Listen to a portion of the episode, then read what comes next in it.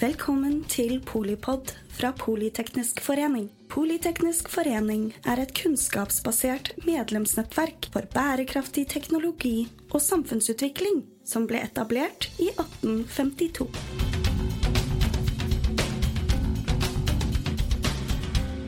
Velkommen til podkastserien 'Drivstoff for en grønnere verden'. Eh, navnet mitt er Pedram Nadim. Jeg er styremedlem i Politeknisk forenings nettverk for samferdsel.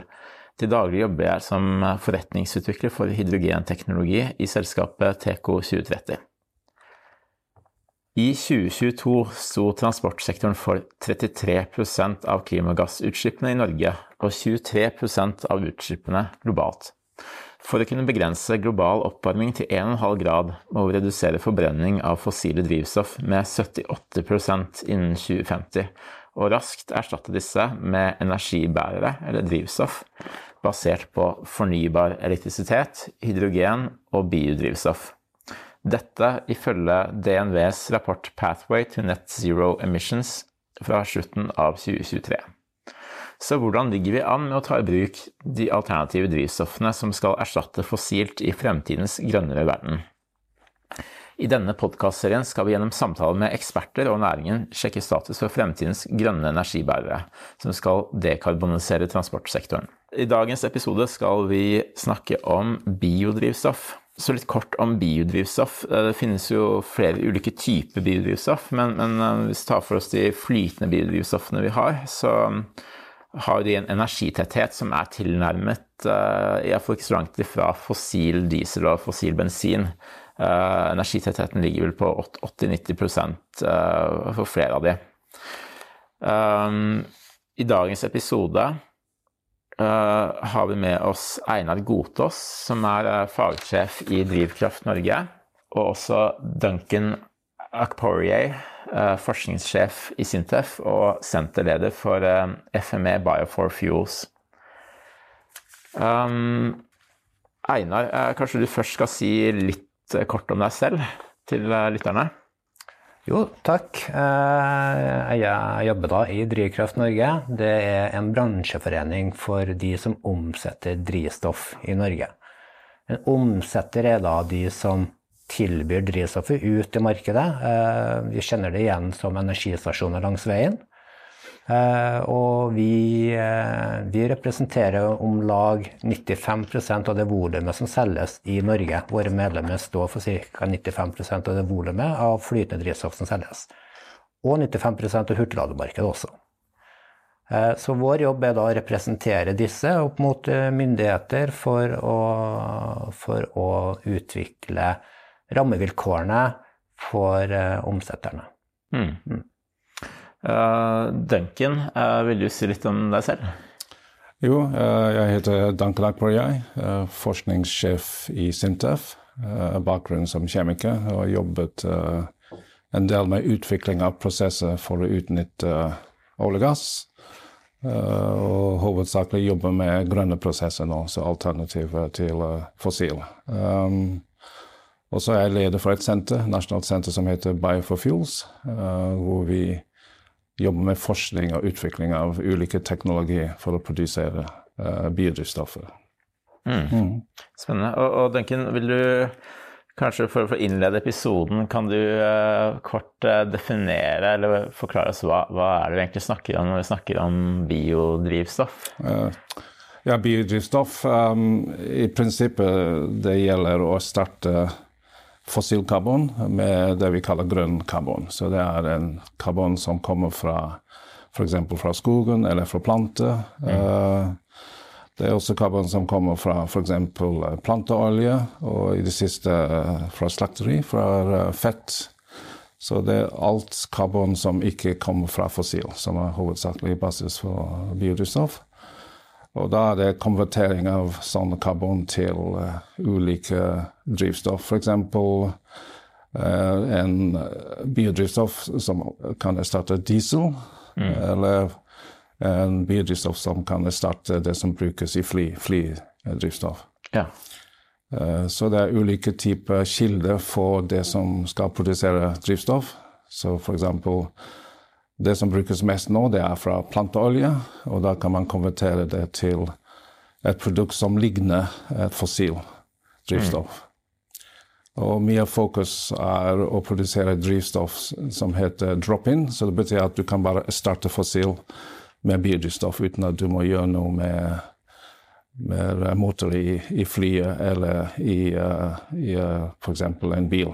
Ja, så, du, så, så, ideen er at man skal bruke samme infrastruktur og samme riktig, ja. Eh, motor da, ja. som man bruker i dag. Ja. Og Bakgrunnen for det, det, er at uh, man prøver å implementere det så fort som mulig, og mm. istedenfor at du må lage en spesiell motor og bygge spesiell uh, fly og sånn, så kan du bare bruke eksisterende infrastruktur og sette inn en fossilfri karbon. Så, mm. så det er hovedsakelig det. Mm. Uh, Einar, um, Drivkraft Norge representerer de som selger uh, biodrivstoff, uh, og, og, andre drivstoff også. Men hva vil du tillegge noe der til det Duncan sa innledningsvis? Altså, kanskje litt om de ulike typene drivstoff som selges? Med bioinnhold? Ja, nei, også, det er jo veldig kjernen det Duncan sier her. Ja. Eh, det er jo for å erstatte det fossile at biodrivstoff har eh, blitt et, eh, et tiltak for å redusere klimagassutslippene. Mm. Det brukes også i bensin gjennom bioetanol også. Mm. Men der, pga. produkttekniske ting, så er det mulig å blande mer biodrivstoff inn i, i diesel enn i bensin. Ja. Så det, de store utslippsreduksjonene fra veitrafikken kommer ved bruk av eh, biodiesel, eller HVO, mm. som eh, er liksom det vanskelige ordet for eh, den andre generasjons biodiesel som produseres. Så, ja. så, har man ulike sorteringer der også, eh, som eh, hva som er råstoffet til å produsere. Mm. Men, eh, men det, er, det, er, fullt mulig å bruke mer av HVO i dieselbiler og diesellastebiler enn det gjøres i dag. Ja. Det er det fullt. Og det begrepet andregenerasjons biodiesel, altså andre generasjon, det betyr at det ikke er fra mat? Eller er det, hva, Nei, det er mer produksjonsmetoden. Ok, det er det. Ja. ja. Eh, det er en mer raffinert måte å lage biodrivstoffet på enn mm. første generasjon. Fame er ofte benevna som første generasjons biodrivstoff. Mm. Det er mer enn olje, mens HVO er mer raffinert, mer som vanlig diesel er blitt raffinert. Akkurat. Ja, så det er produksjonsmetoden. Og så mm. skiller man mellom det som er konvensjonelt og avansert ja. biodrivstoff. Og da ja. går vi inn på hva slags type råstoff er det som ligger til grunn. Ja. Og HVO eh, kan være både eh, avansert og konvensjonelt. Det spørs hva som var mm. råstoffet mm. til denne HVO-en. Mm. Ja. Og avansert biodrivstoff det er da kan du si, slakteavfall eller mm. eh, rester som ikke kan bru eh, brukes som mat. Det er liksom den enkle forklaringa på det. Mm. Nei, det er um, uh, veldig mye fokus på avansert uh, biodrivstoff, og det er egentlig koblet til bærekraft. At uh, det er kommet strenge krav både for det som brukes i Norge, og også fra EU. At, mm. Sånn at Eh, vi kan si den, det karbon som man bruker for å produsere drivstoff, det må være bærekraftig. Og det, er, det er strenge krav til det. Så. Mm. Um, også I tillegg til det, det er en hav med ulike produksjonsteknologi. Og det er det som gjør det litt krevende, fordi at det er forskjellig vei mot et produkt som kan f.eks. brukes i en bil eller i et, uh, et fly. Så, mm. um, så for eksempel, I mean, det er um, Eh, en produksjonsvei som heter gassifisering, der du i prinsippet konverterer biomasse til en gass. Og den mm. gassen kan da brukes til å produsere ulike typer drivstoff. En annen teknologi er det heter liquefaction, så det betyr at du varmer opp biomassen for å produsere en bioolje som ligner litt fossilolje. Mm. Og det kan du ta inn en raffineri. Og så kan du produsere drivstoff som du man pleier å gjøre med fossil. Ja. Mm. Eller du kan fermentere det for å produsere etanol, og da kan du konvertere den etanol til en drivstoff. Men det er mange andre veier, og det er det som er problemet, er å finne ut hva som er uh, mest kostnadseffektivt til å implementere. Ja, det, er ja. den, uh, mm. Og så har vi også biogass som brukes som et drivstoff, i, i hvert fall i busser og Riktig. tungtransport. Mm, Og noen ferger også, kanskje. Så det fins mange varianter. Det er mange varianter, og det er, det er det som gjør bildet litt komplisert. Og så ulike navner. Og i det siste, i prinsippet, vi har det som heter e-fuels. og Ja. um, uh, e-fuels uh, som er karbonbasert, er i prinsippet en slags drivstoff, uh, biodrivstoff. Det er bare at uh, karbonkilder kommer fra CO2. uh, og så Ja. og veldig mye, bruk, mye teknologi og prosesser som man bruker for å produsere e-fuels, ligner litt det vi bruker, eh, bruker for å produsere biodrivstoff, f.eks. Så det er mye overlapp uh, Ja. her. Men uh, for å prøve å ta, trekke en sånn felles tråd, da, så grunnideen her med bruk av biodrivstoff er vel å kunne bruke de eksisterende motoren og samme infrastrukturen da, som vi har i dag. Altså slippe å gå gjennom den teknologiutviklingen som f.eks. trengs for å innføre hydrogen, eller mm. for den saks skyld ammoniakk. Det er riktig. Um, da, er liksom egentlig bare drop-in er det begrepet man bruker. Ja, det er jo det at eh, infrastrukturen for eh, bensin og diesel er jo på plass. eh, med alle, alle energistasjoner som er langs Det er 1800-1900 energistasjoner i Norge. Ja.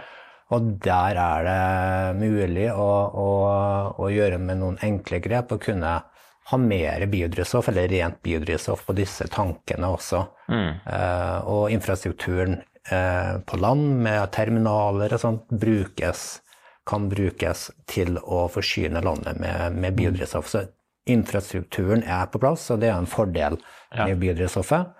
Eh, og, og hele tankemåten trengs ikke å endres på de som tilbyr det, for det, det er et flytende produkt eh, som den tradisjonelle fossile bensin og diesel. Og vi prøver å utvide den fordelen til selve produksjonsteknologi. Så hvis du har en eksisterende raffineri, mm. istedenfor å bruke en eh, fossil olje, så kan du prøve å føde inn en bioolje. Ja. Og så bruke det etablerte prosesser for å da produsere en drivstoff. Det er Ja. en del fokus på det. Så det og det er en del raffinerier som ser på omstilling eh, til, eh, til det. Så, mm. Det er interessant. Um, Einar, jeg lurer på om du vil si litt om um, Jeg vet jo at Norge er en stor forbruker av biodrivstoff i dag. Uh, hvilke um, transportsektorer er det som, som, som bruker biodrivstoff uh, uh, slik det er i dag? I dag så går det jo aller mest til det vi kaller veitrafikken, altså mm. den, de som ruller rundt på veiene. eh, Både personbiler og tungtransport, busser, varebiler. Det er de som eh, står for det største delen av bruken av biodrivstoff i dag. Eh, det ligger på rundt 500 millioner liter var det i 2022 som gikk til, eh, til veitrafikken Ja, I Norge? i Norge. Oi.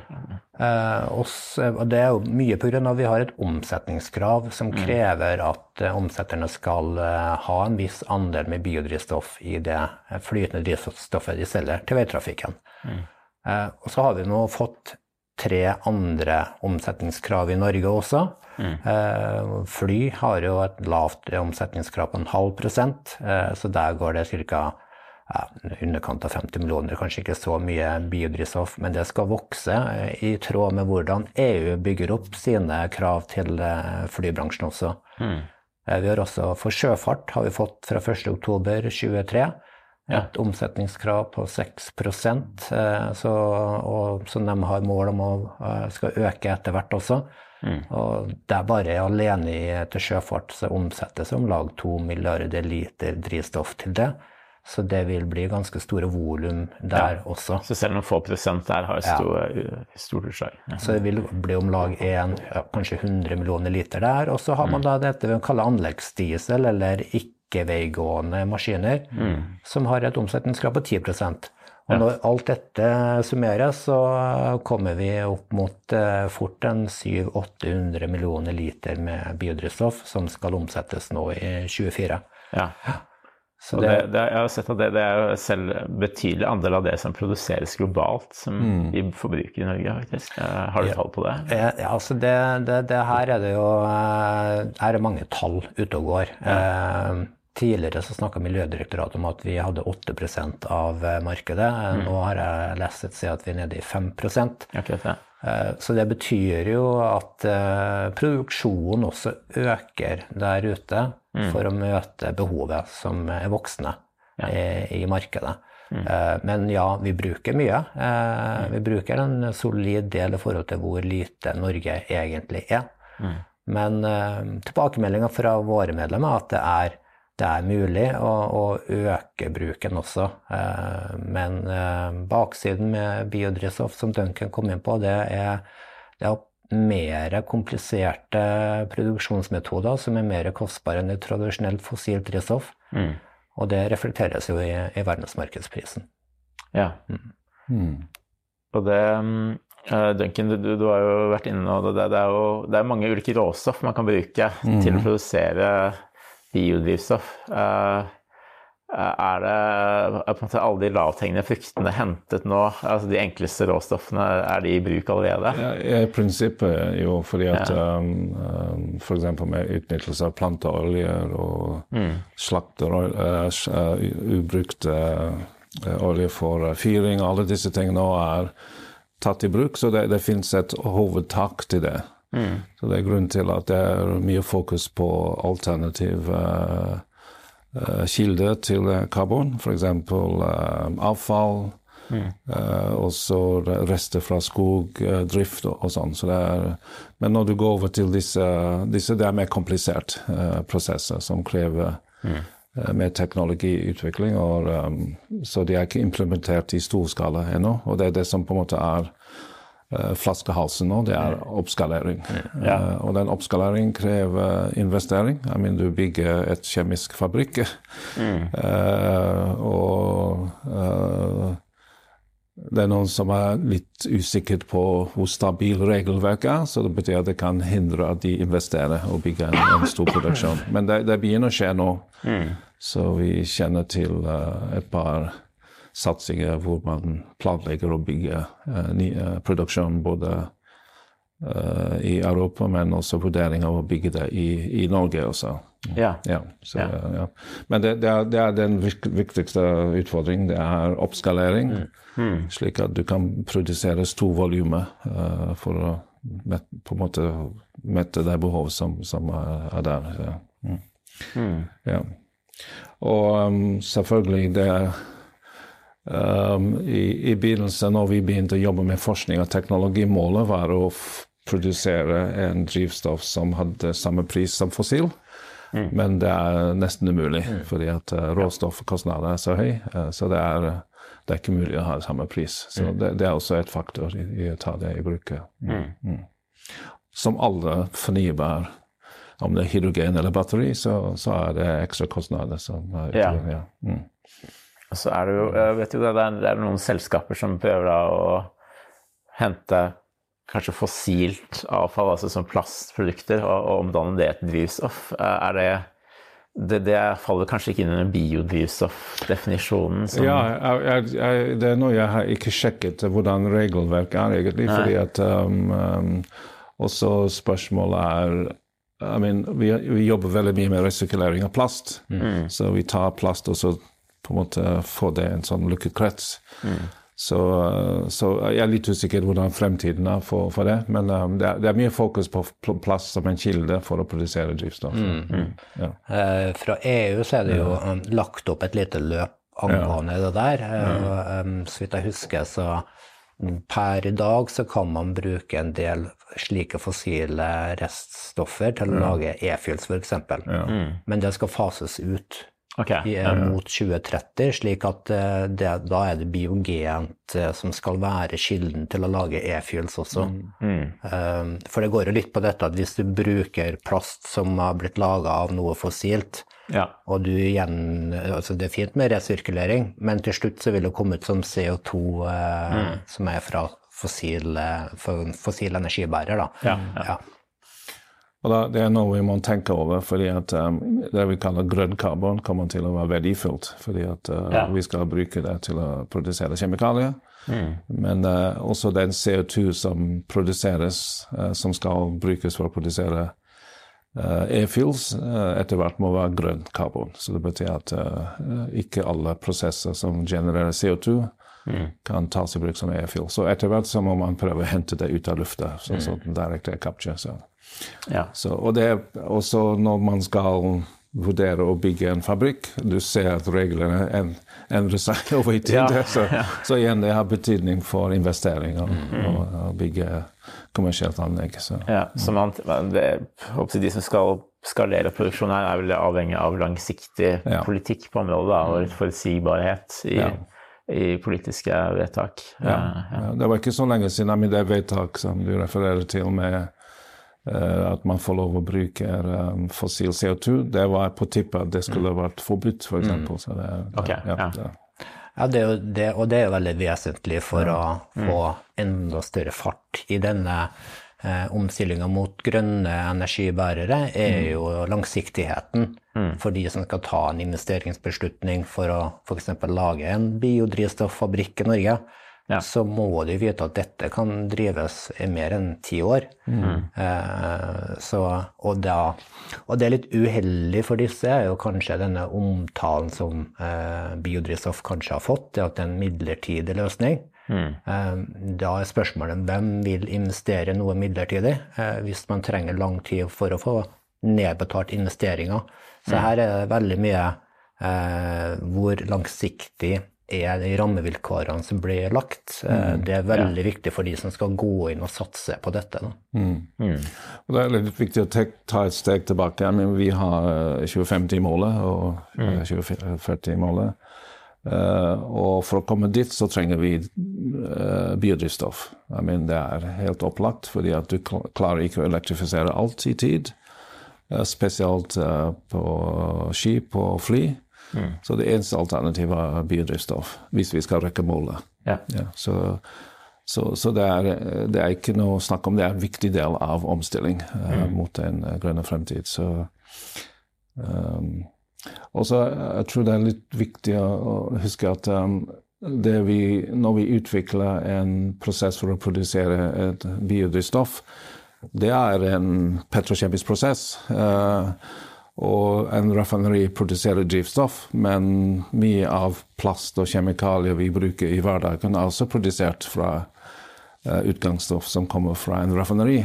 Så den kan omstilles til å produsere mer kjemikalier enn drivstoff Ja, i fremtiden. fremtiden. Så, så, Så det er også en del Ja. Raffineriet Ja, kan justere seg Det heter raffineri for fordi at man raffinerer olje for å produsere de Ja. forskjellige det. Og så, um, så det er grunn til at mange tenker på raffi- bioraffineri. At vi skal produsere drivstoff, men vi også skal produsere andre ting. Mm. så, Nettopp, ja. ja. Så vi så det er ikke en tapt investering. av, av. Ja. Ja, ja, ja. Men du må- ja, sånn som unnskyld. Borregaard, ikke Som sant? Borregaard, for eksempel. De, ja. de, eh, Når de tar trestokken, så er det en veldig liten andel som blir til det de lager. De lager avansert biodrivstoff der nede, men det, det er en veldig liten sidestrøm. Det er ikke det de satser på, det er ikke det de tjener mest penger på, for å si det på en litt enkel måte. Nei. Mm. Mm, interessant. Um, så har vi jo Så Einar, du var litt inne på det at landtransporten er på det der biodrivstoff er mest i bruk i dag. Og brukes som det kommer etter hvert inn til anleggsmaskiner også. Um, men, men så er det jo da disse andre sektorene som sjø- og lufttransport, hvor det foreløpig er liten uh, andel bio i, i det drivstoffet de bruker. Um, hva, um, hvordan ser du utviklingen i de sektorene framover? Altså, Det der er jo sektorer som er eh, Man må også ta eh, hensyn til dette som kalles karbonlekkasje i disse sektorene. Veitrafikken i Norge er egentlig veldig lite utsatt for at man kjører over til et annet land for å fylle på eh, diesel på bilen. ja. Eh, Ikke sant? Det er det som karbonlekkasje. Men for store båter eh, og fly som eh, lander i andre land, mm. så er dette med prising og krav som settes i et land, kan være med på å påvirke at man velger et annet sted ja. å fylle drivstoff. Mm. Uh, og det er litt det som er tanken uh, også bak dette med omsetningskravet for uh, fly, mm. eller for luftfart, er jo at det kan ikke settes så høyt at det fører til at man begynner å få en karbonlekkasje. Mm. At man heller velger å fylle 100% fossilt et annet sted pga. det er såpass mye rimeligere enn det drivstoffet man får i Norge. Mm. Og det samme er jo nå tilfellet med eh, for sjøfart, hvor det kommer et, eh, kommer et omsetningskrav. Der er det også viktig å se litt rundt seg hva gjør de andre landene før man begynner å øke kravet for mye. Eh, mm. Det er viktig å se hva EU nå er i gang med å innføre. Mm. Eh, slik at man harmoniserer litt eh, her hvor det er stor fare for karbonlekkasje. Så de kravene der eh, vil nok ikke bli endra så veldig mye på mellomkort sikt. Altså antagelig skal flydrivstoff opp til 2% når EU begynner med sitt tilsvarende krav på 2 mm. for fly. Mens for sjøfart så vil det nå da bør man i hvert fall vente litt og se hva er det som kommer nå, eh, før man gjør store endringer da. For det, man vil jo ikke at man skal eh, kjøpe drivstoff et annet sted hvor man ikke har et eh, krav om å bruke biodrivstoff. Så eh, det er en sånn balansegang i dette. Mm. Men jeg ser for meg at det kommer til å bli mye mer bruk av biodrivstoff i de sektorene der, pga. som Duncan sier, det er ikke så veldig mange alternativer for dem. Mm. Eh, motorteknologien er ikke der for disse. Det krever enorme batteripakker hvis vi skal kjøre langt på sjøen. Mm. Og på fly så er det ikke plass til batteri per i dag. Ja. Og da begge sektorene har en ganske stor eksisterende ja. flåte som skal leve mange Riktig. år til, som ja. skifter ut. Altså. Ja. Mm. Og det gjelder for veitrafikken også i Norge. Det er jo tross alt 2,5 millioner uh, kjøretøy i Norge som kjører på bensin eller diesel. Mm. Og de kommer til å gjøre det ganske mange år framover også. Eh, men det, du ser jo elbilandelen er jo godt over 90 nå på nybilsalget. Eh, mm. Og det vil etter hvert øke ganske mye mer i de andre kjøretøysegmentene også, mm. selv om det ligger et stykke bak. Så den utviklinga ser vi jo er godt i gang. Mm. Så bare én ting som er, er, også en flaskehals for eh, f.eks. implementering i uh, flydrivstoff. Det er, det er en veldig krevende sertifiseringsprosess ja.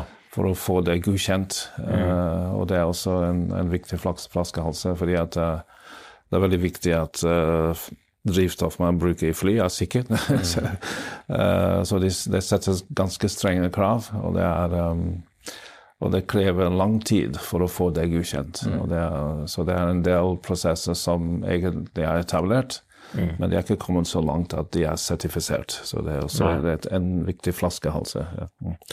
Så, mm. ja. Mm. Men man, man, får jo uh, sett noen ganger bestiller flybilletter, så har man muligheten til å liksom, kjøpe si, 100% bio ja. på, på flybilletten min. Men, Eh, det, det, er alltid litt vanskelig med sånne kvoteforretningsmodeller ja. å vite liksom hvor, hvor, stort utslag man faktisk mm. gir på uh, utslipp til slutt. Mm. Um, jeg vil egentlig touche litt innom hva Hvis dere ser litt inn i krystallkula da, og tenker hvordan, hvordan biodrivstoff, hvilken rolle det vil ha i transportsektoren i 2030 Uh, Duncan, hva, tenker du eh, om det? Altså, hva, hva vil ha skjedd de neste seks årene? Ja, det er ganske kort tid, egentlig. så, yeah. så um, um, I mean, det vi håper at uh, det er viss produksjonsteknologi som blir etablert, uh, sånn at uh, man kan begynne å ta det i bruk. men um, seks år er ganske kort for fordi ny teknologi. Det tar nesten seks år for å bygge og etablere det. Mm. Um, så jeg er litt redd for at det ble knyttet til omsetningskrav og import av mm. uh, drivstoff som, som, skal brukes i, um, i, i, i Norge. Um, mm. men, men, vi ser i Europa det er en del Det, det bygges nå anlegg. Uh, jeg vet at det, I Sverige så er det planlagt å bygge production. So, um, so I tror mye fokus vil også Jeg ser at mye fokus er mot um, SAF. Uh, ja. Å få inn um, Fordi da, da er priser høyere, og så det er uh, kanskje lettere å forsvare og, og selge produkter til uh, f.eks. Um, uh, til brukerfly. Så, mm. Vil konkurransen bli større om å liksom, kjøpe de, det biodrivstoffet som produseres? Ja, I, mean, jeg tror det vil alltid være um, I mean, Produksjon kommer ikke til å være i, i forhold til uh, på en måte etterspørsel. Uh, for jeg tror det er uh, Så um, mer og mer du ser at um, økende interesse. Og så har vi EUs krav som presser også bruk av bærekraftig flydrivstoff også. Så, mm. Ja. Eh, Einar, hva tenker du eh, i 2030? Eh, du nevnte var jo inne på at det vil være en stor eksisterende flåte som fortsatt bruker mm. flytende drivstoff. Da. Vil, ja, hvilken rolle vil biodrivstoff ha i 2030, tenker du? Altså, biodrivstoff må eh, brukes for å få ned utslippene hvis vi skal nå målet i 2030. Mm. Elektrifisering alene er jo ikke nok. Eh, og, men det vi sier, at vi må bruke alle fornybare løsninger fullt mm. ut for at vi skal kunne nærme oss noe. Eh, det nytter ikke å satse på én ting. Eh, vi må ha en debatt i Norge da, og en åpenhet om at hvis vi skal nå disse målene, så må vi faktisk øke alt. Eh, vi kan ja. ikke bare satse på elektrifisering. Det mm. rekker ikke i det hele tatt. Det tar for lang tid mm. å bytte ut uh, kjøretøyparken. Og hvis man skal tenke på andre transportformer også, så er det jo ikke eksisterende uh, tilgang på den type teknologi for fly spesielt. Så de må bruke biodrivstoff så lenge ikke e-fuels produksjon også kommer i gang. Uh, men på seks år, som Duncan sier, da er det ikke så veldig mange alternativer for å få ned utslippene enn mm. elektrifisering og biodrivstoff egentlig i dag. Mm. Eh, og så vil hydrogen kunne bli en viktig del også. Eh, det er jo allerede en viktig del, men det blir enda mer en viktig del. Biogass også er det mye snakk om.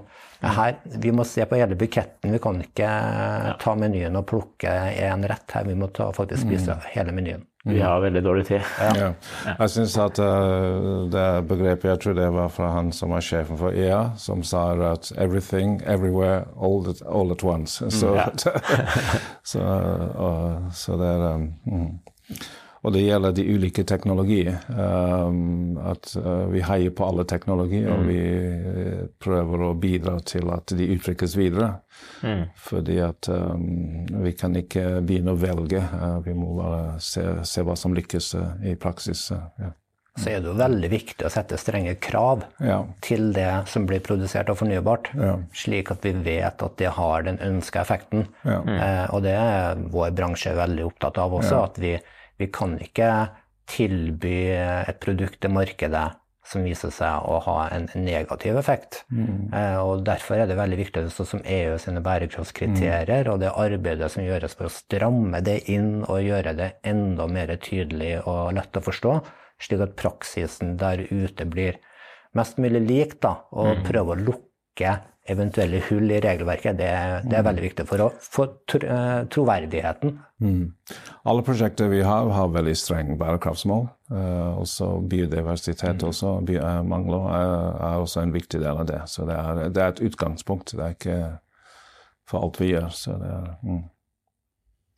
Mm. Jeg tror Med det så vil jeg runde av denne episoden. Uh, takk for at dere kom, Einar Gotaas fra Drivkraft Norge og Duncan Ekporier fra Sintef og FME Bioforfuels. Og takk til dere som lyttet på episoden. Takk for meg. Jeg er eh, Pedram Nadim fra eh, PF Samferdsel. Ha en fin dag videre. Takk for at du lyttet til Polipod fra Politeknisk forening. Få med deg flere episoder, eller bli med på nettverksmøtene, som du finner ved å søke at polyteknisk, eller gå på vår hjemmeside polyteknisk.no.